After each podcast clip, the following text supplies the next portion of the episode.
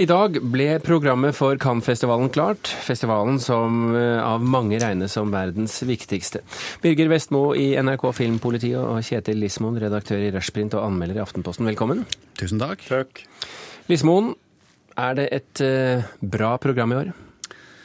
Det er uh, litt som det pleier. En god del av the usual suspects. Altså kjente profiler som Polanski skal vi si, Steven Soderberg, eh, Alexander Payne. Eh, og så er det en del nye stemmer da, som det blir spennende å stifte bekjentskap med når vi, noen av oss drar ned dit for å se filmene.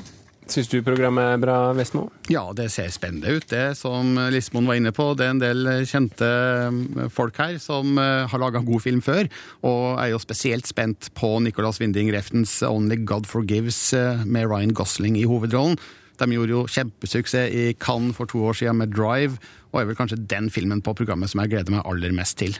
Og Det er vel det eneste, den eneste skandinaviske representasjonen i, i hovedprogrammet i Cannes? Altså. For, for, for, vi er jo alltid veldig opptatt av det. Er, er, det noen norske med, og sekundært er det noen svenske og danske ja, ja. med? Ja, Danskene er jo best representert her, da, med Vinding Reften og, og også Thomas Winterberg i Øser Terregar-juryen.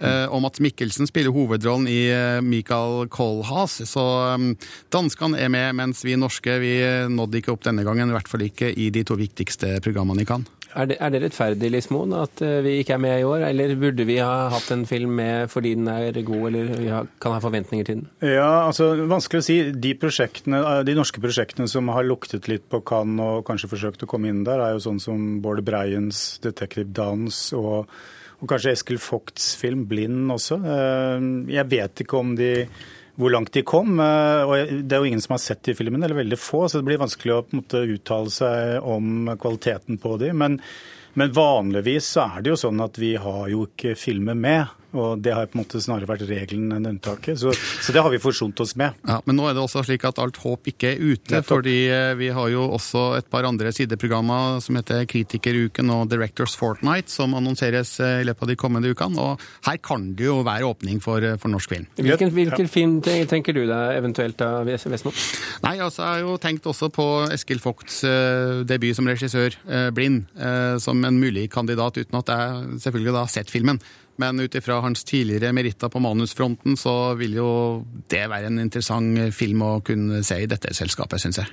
Ja, jeg tror eh, altså Directors Fortnight eh, har jo åpnet opp for litt mer sjangerfilmer også. Eh, dette andre sideprogrammet, Uncertain Regard, er mer Jeg kan ikke se kanskje at noen av de filmene som kunne være aktuelle for Norge, ville passe inn der nødvendigvis. Så, så det er jo fortsatt håp. Det er det. Vi kan krysse fingre fremdeles. Et annet spørsmål som alltid dukker opp eh, i kjølvannet av eh, sånne eh, festivaler, det er jo spørsmålet om eh, kvinnelige kontra mannlige ja. filmskapere. Hvordan, eh, hvordan, er ståa i år? Ståa er, altså Etter at festivalen omsider tok selvkritikk i fjor, etter at de hadde fått kritikk i mange år, så trodde jeg kanskje at de skulle åpne for litt flere kvinner. eller altså Vise kanskje en litt større åpenhet der. Men i hovedprogrammet, altså i konkurranseprogrammet, så er det bare én kvinne. Men i sideprogrammet On Certain Regard er det en tredel er vel kanskje sånn røftlig kvinner. Ja, det er, dette bra? Ja, det er fem stykker som deltar i Øser i Eh, ja, så det er jo bedre enn i fjor, da. Eh, men eh, dette speiler vel muligens også antallet kvinner som lager film i forhold til menn, så det ser kanskje ikke så mørkt ut, men det hadde jo vært hyggelig med flere enn en, i hermetegn bare Valeria Bruni Tedeschi i hovedprogrammet for Ørsetaen Italie. Så kvinneandelen kan selvfølgelig økes, men jeg vet ikke om dette dette er det Cannes-festivalen er aller mest opptatt av. Hvilke forventninger skal vi som er sånn gjennomsnittlig interessert i film, ha til Cannes-festivalen i år? Altså, i, i, i, åpningen så er det jo Bass Lurman som eh, slår eh, løs med The Great Gatsby, der Leonardo DiCaprio og, og Carrie Mulligan spiller et par av de største rollene. Så Eh, når det gjelder glitter og glamour, så kan vel det være et høydepunkt.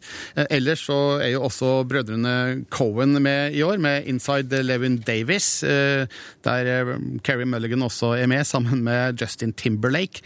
Og så er jo Nicholas Winding Reftens Only God Forgive også en muligens publikumstrekker, så det er vel de titlene jeg ser, peker seg mest ut på programmet akkurat nå. Er du enig, Lismoen?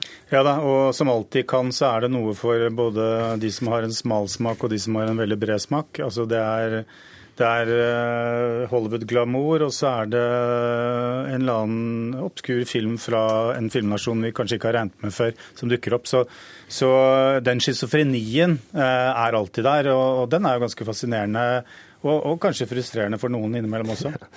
Kjetil Ismoen og Birger Vestmo, tusen hjertelig takk for at dere kunne være med i Kulturnytt.